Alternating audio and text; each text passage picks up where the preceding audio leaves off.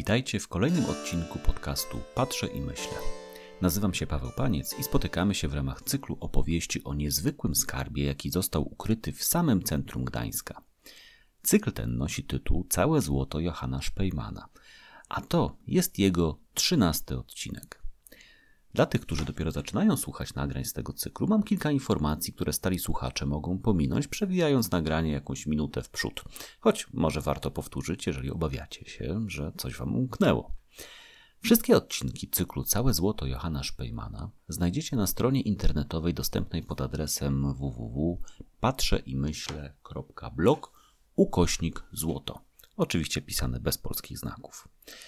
Pojawiają się tam one na bieżąco, choć możliwe, że kiedy już słuchacie tego nagrania, to wszystkie tam są. Na tej stronie znajdziecie również materiały uzupełniające do poszczególnych odcinków. Są to zdjęcia aktualne i archiwalne, reprodukcje i grafiki, a także wszelkie inne informacje, które pomogą Wam uczestniczyć w tym przedsięwzięciu, jakim jest odkrywanie całego złota Johanna Szpejmana. Najsprytniejszy sposób, żeby coś ukryć, to zostawić to tam, gdzie nikt nie będzie szukał. Czyli najlepiej na widoku i to jeszcze w jakimś bardzo uczęszczanym miejscu. Tak właśnie stało się ze skarbem, o którym Wam opowiadam. Jest tak dobrze wyeksponowany, że aż przestaliśmy go w ogóle zauważać.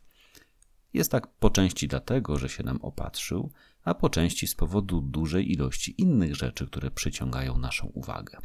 Ale także dlatego, że pochodzi z innej epoki i zgubiliśmy klucz, który jest niezbędny do rozszyfrowania jego zagadki. Właśnie dlatego postanowiłem zająć się tym tematem. Całe złoto Johanna Szpejmana to opowieść o złotej kamienicy w Gdańsku. Niezwykłym zabytku, z którym niewiele innych może w tym mieście konkurować pod względem uroku jego wyglądu, jego elewacji. Kamienicę tą zbudował na początku XVII wieku gdański burmistrz jako swoją rodową siedzibę. Zbudował ją jako oznakę swojej pozycji społecznej, ale zbudował ją również jako manifest swoich poglądów względem świata i człowieka. I właśnie ten ostatni motyw skupił moją uwagę, bo choć dużo mówi się o bogactwie zdobień, jakie pokrywają złotą kamienicę, to rzadko kiedy można dowiedzieć się, co tak naprawdę one mają nam przekazać. To trochę tak, jakbyśmy codziennie przyglądali się książce, ale nigdy nie zajrzeli do środka, żeby sprawdzić, jaka jest jej treść. Okładka, owszem, cieszy oczy, ale bez znajomości treści tracimy 99% przekazu. A Johann Szpejman był postacią nietuzinkową i niewątpliwie miał wiele przemyśleń, którymi chciał się z nami podzielić ku pouczeniu i ku wzmożeniu powszechnego dobra. Użył do tego całej palety, jaką można czerpać z historii i całego bogactwa postaci, które uwiecznione są na fasadzie jego domu. Opowiedziałem Wam już o historii kamienicy, historii miejsca, w którym powstała. Opowiedziałem trochę o biografii fundatora, a teraz wędruję tokiem narracji po kolejnych rzeźbach, jakie widzimy stojąc przed posesją numer 41 na Długim Targu w Gdańsku. W tym odcinku ponownie udamy się do starożytnej Grecji. W poprzednim nagraniu opowiadałem Wam o Solonie, którego popiersie znajduje się na wysokości trzeciej kondygnacji budynku po jego lewej stronie. Jeżeli nie możecie zobaczyć tego na żywo, to odsyłam Was na stronę patrzę i myślę.blog ukośnik złoto, oczywiście pisane bez polskich znaków. Znajdziecie tam odnośniki do podstron dedykowanych każdemu odcinkowi, a na nich zdjęcia kamienicy i jej detali zdobniczych. Zaraz obok głowy Solona, przesuwając wzrok w prawo, zobaczycie płaskorzeźbę podpisaną Temistokles. Nie przypadkiem te dwie postacie zostały umieszczone obok siebie. Choć chronologicznie patrząc, dzieli ich niemal 100 lat, to obaj odegrali znaczące role w historii swojego państwa miasta, czyli Aten, ale również całego naszego zachodniego świata. Solona i Temistoklesa łączy na pewno sprawa Salaminy. To jest niewielka wysepka u wybrzeży Grecji, ale wielkie hasło w historii tej krainy. Wśród osiągnięć Solona to zaledwie epizod, ale dla Temistoklesa jest to symbol jego największego triumfu. W czasach Solona Ateny toczyły srogie boje o wyspę Salaminę z innym greckim państwem, miastem Megarą.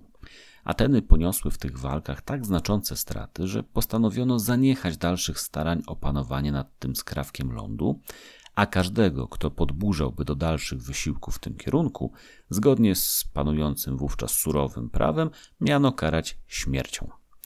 Wydawać by się mogło, że o takim podejściu zadecydowała troska o los ateńskiej społeczności i większość gotowa była na to przystać. Niewielu widziało to, że Salamina miała dla Aten bardzo dużą wartość strategiczną i długofalowe skutki takiej polityki byłyby szkodliwe.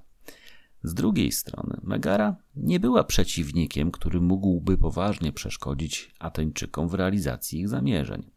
Ale kto odważyłby się o tym głośno mówić, kiedy można było za to zapłacić głową? Jak głosi legenda, Solon znalazł wybieg, aby uniknąć śmierci za przekroczenie prawa w tej kwestii. Postanowił udawać, że odszedł od zmysłów i jako szaleniec występował orędując w sprawie Salaminy i wygłaszał patetyczne poematy zagrzewające do walki. Jego plan powiódł się i w końcu sporna wyspa przeszła w ręce Ateńczyków. Ale jak wiemy z poprzedniego odcinka, nie był to największy sukcesów Solona. W przypadku Temistoklesa Salamina jest symbolem jego zwycięstwa w bitwie morskiej, jaka rozegrała się między zjednoczonymi siłami wielu greckich państw, miast, a flotą perską. Przesmyk w pobliżu wyspy, jaki stanowi ta część Morza Egejskiego, stał się dogodnym terenem taktycznie wykorzystanym przez broniących się Ateńczyków do odwrócenia losów toczonej wówczas wojny. Zestawienie tych dwóch zdarzeń i istotnej roli, jaką odegrali w całej historii Grecji Solon i Temistokles, sprawiło, że od starożytności byli oni często zestawiani ze sobą, choć ich rola i całościowa ocena postaci bywały bardzo różne. Dobrze pokazuje to fragment dzieła Cycerona zatytułowanego O powinnościach. Cyceron pisze: Choć słusznie bowiem wielbi się Temistoklesa, choć imię jego cieszy się większą sławą niż imię Solona, a Salaminę przytacza się jako świadectwo wspaniałego zwycięstwa przenoszonego ponad ustawę Solona, która stworzyła Areopag, jednakże trzeba tę ustawę uznać za wydarzenie nie mniej świetne od tamtego. Tamto bowiem przyniosło korzyść państwu raz jeden – to zaś będzie pożyteczne po wszystkie czasy. Dzięki niemu utrzymują się prawa Ateńczyków i trwają ustanowienia ich przodków. I jakkolwiek Temistokles nie potrafiłby przytoczyć nic, w czym by okazał pomoc Areopagowi, ten mógłby z całą słusznością powiedzieć, że Temistoklesowi był pomocny, albowiem wojna toczyła się na skutek uchwały tegoż senatu, który niegdyś został ustanowiony przez Solona. Koniec cytatu. Łatwo zauważyć dystans, jakim darzy Temistoklesa rzymski mąż stanu. Była to postać, która budziła kontrowersje. Wielkie były jego dzieła, ale i wielki upadek. Przyjrzyjmy się zatem całości jego działalności.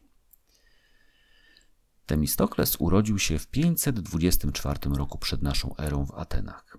Jego działalność polityczna przypadła na okres wielkiej wojny, jaką Grecja toczyła z Persją. Konflikt ten rozegrał się w dwóch głównych aktach. Początkiem jego był spór o greckie kolonie rozmieszczone w Azji Mniejszej. Persowie, rozbudowując swoje imperium, włączyli te tereny do swojego dominium. Istotną kwestią były nie tylko posiadłości terytorialne, ale również przylegające do nich szlaki morskie, które dla Greków miały ogromne znaczenie gospodarcze. Persowie z kolei, wiedząc, że greckie państwa będą stanowiły ciągłe zagrożenie, postanowili raz a dobrze rozwiązać tę kwestię. Tym sposobem doszło do pierwszej wojny perskiej. Król Dariusz wyruszył ze znacznymi siłami przeciwko Grekom. Ponieważ ci drudzy nie stanowili zwartego organizmu państwowego, a do tego byli podzieleni realizując rozbieżne polityki i gospodarki, więc podbój wydawał się jedynie kwestią czasu. Część miast greckich poddała się władzy Dariusza, a mniej zagrożone polis starały się trzymać dystans. Tak postąpiła m.in. Sparta i tym sposobem główny ciężar walki z Persami spadł na Atenę. Mimo dużej dysproporcji sił, Grekom udało się pokonać najeźdźców w słynnej bitwie pod Maratonem w 490 roku przed naszą erą. Persowie się wycofali, a Grecy wrócili do lokalnej polityki, co w ich przypadku oznaczało głównie wewnętrzne spory między miastami i państwami. W Atenach zapanowała atmosfera rozprężenia. Uznano, że zagrożenie minęło, a za najważniejszą sprawę przyjęto utarcie nosa psującej handel w wyspie Eginie. Jednak nie wszyscy myśleli w ten sposób i najbardziej aktywnym przedstawicielem tego grona był bohater naszej opowieści, Temistokles. Konflikt z Eginą wykorzystał on jako pretekst do rozbudowy ateńskiej floty. Po doświadczeniach wojny z Persami był przekonany, że panowanie na morzu jest to kwestia kluczowa dla bezpieczeństwa jego ojczyzny. Realną możliwość wykonania tego zadania stworzyło odkrycie w pobliskich górach bogatych złóż srebra. Niektórzy Ateńczycy optowali za podziałem zysków między wszystkich obywateli, ale Temistokles przekonał ich, że myślenie perspektywiczne jest tutaj bardziej zasadne. Tym sposobem flota Aten rozrosła się z 70 do 300 jednostek, a mające nadejść wypadki potwierdziły słuszność wizji Temistoklesa. Persowie po przegranej z Grekami musieli wpierw skupić się na wewnętrznych problemach, na przykład na stłumieniu powstania w Egipcie, który to kraj przynosił perskiemu imperium solidne zyski. Ponadto zmarł król Dariusz i jego syn Xerxes musiał poświęcić uwagę umocnieniu przejętej po ojcu władzy. Gdy jednak zakończył te procesy, jego uwaga znowu zwróciła się w stronę Hellady. Xerxes do inwazji przygotowywał się trzy lata. I kiedy ruszył ze swoją armią, aby pomścić porażkę ojca sprzed dekady, stanowił zagrożenie o wiele większe niż w czasie pierwszego najazdu. Grecy przestraszyli się nie na żarty, czego dowodem niech będzie duży poziom zgody, jaki osiągnęli. Wiodąca rola miała przypaść Atenom jako najsilniejszemu składnikowi sojuszu, przynajmniej jeśli chodzi o flotę. Ale dowództwa nad powołanym do życia w 481 roku przed naszą erą Związkiem Greckich Miast zażądała Sparta. Dla Temistoklesa było to trudne do przełknięcia, szczególnie po tym, jak nikłą rolę to państwo miasto odegrało w poprzednim konflikcie z Persami. Ale ze względu na dobro całego przedsięwzięcia Ateńczycy poskromili swoją dumę. Kiedy doszło do sparcia, Spart Spartanie zapisali w historii piękną i symboliczną kartę w Termopilach. Nie trzeba, jak sądzę, opowiadać o tym wydarzeniu, które jest solidnie przerabiane na lekcjach historii, ale i zostało dobrze opracowane w Hollywood. Bez względu na to, jak bohaterska była postawa Spartan, to jednak ponieśli oni porażkę z przeważającymi siłami wroga, a Persowie rozpoczęli marsz w kierunku Aten, pokonując po drodze pomniejsze oddziały greckie. I w tym momencie wojny najjaśniej rozbłysła gwiazda Temistoklesa. Ateńczycy wpadli w panikę. Nie pomaga im to, że w obozie Zjednoczonych Polis toczą się bezustanne spory, które nie pozwalają ustalić globalnej strategii. Wtedy dochodzi do zdarzeń, które najprawdopodobniej są uwiecznione na reliefie z fasady Złotej Kamienicy. Temistokles przekonuje swoich rodaków do opuszczenia Aten i przedstawia plan ewakuacji na Salaminę. Propozycja zdaje się być nie do przyjęcia, więc nasz bohater powołuje się na przepowiednię, jaką miała wydać wyrocznie w Delfach. Wizja głosiła, że tylko cofając się za drewniane mury Ateńczycy mogą odnieść zwycięstwo. Zinterpretowano to jako konieczność schronienia się na statkach, a nie za kamiennymi murami miasta. Chcąc pokazać, że to właściwy kierunek działania i należyty moment do podjęcia tych działań, Temistokles kazał rozgłosić, że nawet święty wąż bogini Ateny opuścił Akropol. Jeśli spojrzymy na płaskorzeźbę z domu Szpejmana, tu polecam zajrzeć na zbliżenie na stronie patrzę i myślę.blog ukośnik złoto, oczywiście pisane bez polskich znaków, to zobaczymy tam umykającego węża. Po lewej w tle widać wycofujące się oddziały. Część poległych obrońców leży pod kopytami nacierającej konnicy. To właśnie tych perskich oddziałów najbardziej obawiali się Grecy. Ale w centrum obrazu stoi wojownik zabezpieczający odwrót. Odczytujemy, że to właśnie jest bohaterski Temistokles. Ateny zostały zdobyte przez Persów, ale plan ewakuacji przebiegł pomyślnie. Wtedy Temistokles wystąpił z drugim śmiałym pomysłem i wymógł na pozostałych sojusznikach jego realizację. Przekazując podstępnie fałszywe informacje o ucieczce Greków, wciągnął flotę Xerxesa w wąski przesmyk przy Salaminie. Potężne okręty Persów nie mogły tam manewrować, co wykorzystały statki, które wcześniej zbudowano dzięki zapobiegliwości naszego bohatera. I siły Persów, choć przeważające, zostały pokonane, a tym samym ich flota straciła na znaczeniu. Siły lądowe z kolei zostały pokonane w następnym roku pod Platejami i to zakończyło drugą wojnę perską i ostatecznie zakończyło zakusy Xerxesa i jego następców na podbój tej części świata. Znaczenie tego faktu jest podkreślane nie tylko ze względu na aspekty militarne. Również nie dlatego, że do cudów należy zaliczyć zwycięstwo Greków, jeśli weźmie się pod uwagę ich wewnętrzne skłócenie. Uznaje się to za bardzo ważny epizod historii zachodniej kultury, gdyż bez niego nie byłoby jej, tej kultury, w takim kształcie, w jakim znamy ją na przestrzeni ostatnich dwóch i pół tysiąca lat. Gdyby Xerxes zwyciężył i podporządkował sobie Helladę, nie mielibyśmy podstawowego wzorca, jaki zaważył na naszym dziedzictwie, a jest nim demokracja i połączona z nią wartość jednostki. Dla Johanna Szpejmana historia Temistoklesa była zapewne bardzo ważna właśnie ze względu na ten wątek, gdyż dał on silne podstawy ustrojowi republikańskiemu, który był XVII-wiecznemu burmistrzowi tak bardzo bliski. Poza tym nie należy nie doceniać uwielbienia, jakim gdański patrycjusz mógł darzyć charyzmatycznego męża stanu, jakim jawi się w tej opowieści Temistokles. Jest jeszcze jeden wątek, który wyciągają interpretatorzy tej sceny, a mianowicie powiązanie motywu rozbudowy floty, który przenosi nas bezpośrednio do problemów Gdańska w wieku XVI i XVII.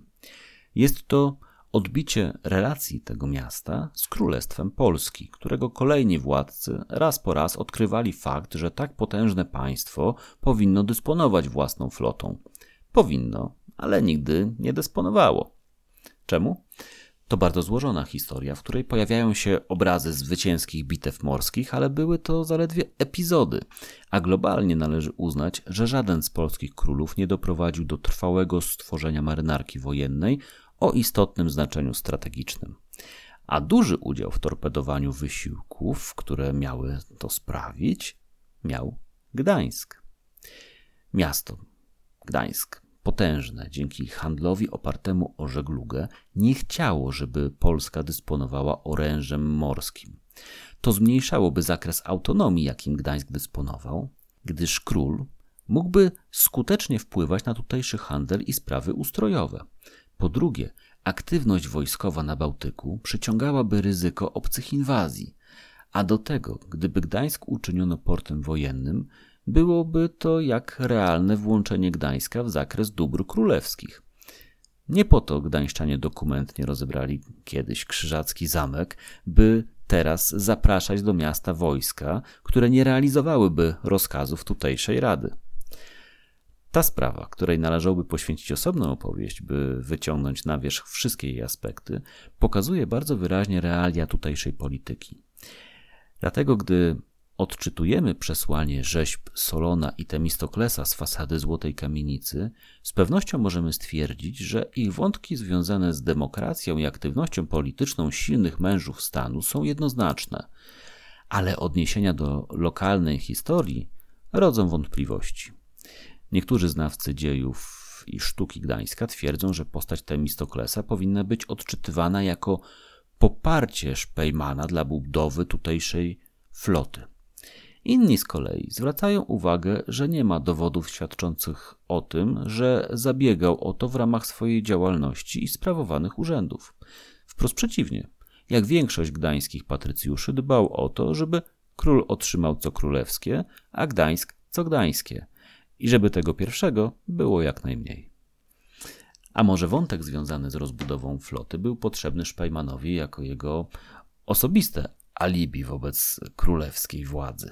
W końcu, jak widać, symbole pozwalają nam na duże rozbieżności interpretacyjne, a sprytny kupiec i polityk mógł taką różnorakość odczytań traktować jako swój atut w zależności od aktualnych potrzeb. To oczywiście tylko domysł, ale na pewno nie jest on pozbawiony faktycznych podstaw. Szczególnie jeśli spojrzymy na dalsze losy Temistoklesa, które dodają cieni do wcześniejszej przedstawionej świetlanej wizji.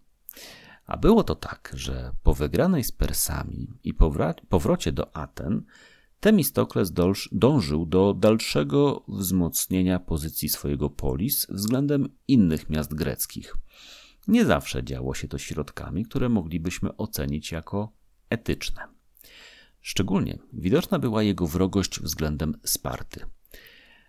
Zdarzyło się pewnego razu, że Temistokles ogłosił Ateńczykom, że ma pomysł na zdobycie przewagi nad innymi Grekami, ale nie może go zdradzić, więc zalecił, by wybrali spośród siebie kogoś, z kim przedyskutuje on swoją wizję i na forum przedstawi ocenę propozycji. Okazało się, że chodzi o to, że Temistokles znalazł okazję, by spalić flotę Sparty, co dałoby duże korzyści Atenom, ale byłoby niegodziwe. Jako taki pomysł został przedstawiony zgromadzeniu i, i co ciekawe, według Plutarcha, Ateńczycy uznali, że interes państwa jest ważniejszy niż etyka. Ale z kolei Cyceron pisze, że pomysł został odrzucony, bo nic co niecne nie może być korzystne. Jak było naprawdę? Nie wiemy. Wiemy za to, że w późniejszych latach Temistokles popadł w niełaskę. Doszło do ostracyzmu, czyli greckim zwyczajem obywatele anonimowo zagłosowali za wygnaniem go z Aten, wrzucając gliniane skorupki z jego imieniem do urny. Zagrożony wyrokiem śmierci, Temistokles uciekł z ojczystego miasta i po wielu perypetiach został poddanym króla perskiego. Powierzono mu zarząd jednej z perskich prowincji, w której dokonał żywota. Jedni twierdzą, że zginął z własnej ręki, gdyż popadł w konflikt sumienia, gdy okazało się, że musi przeciwstawić się swojej pierwszej ojczyźnie, Atenom. Inni twierdzą, że zmarł śmiercią naturalną, będąc namiestnikiem perskim.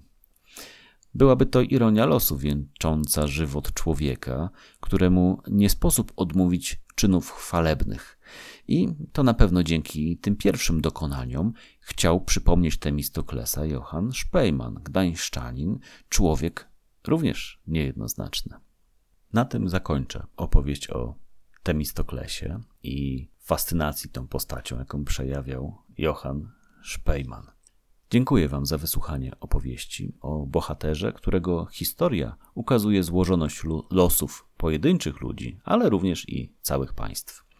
Zapraszam do słuchania kolejnych odcinków, które znajdziecie na stronie patrzę i myślę.blog ukośnik złoto, oczywiście pisane bez polskich znaków. Tam też znajdziecie materiały uzupełniające do naszych odcinków.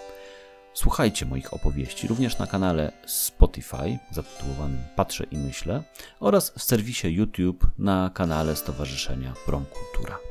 Do usłyszenia.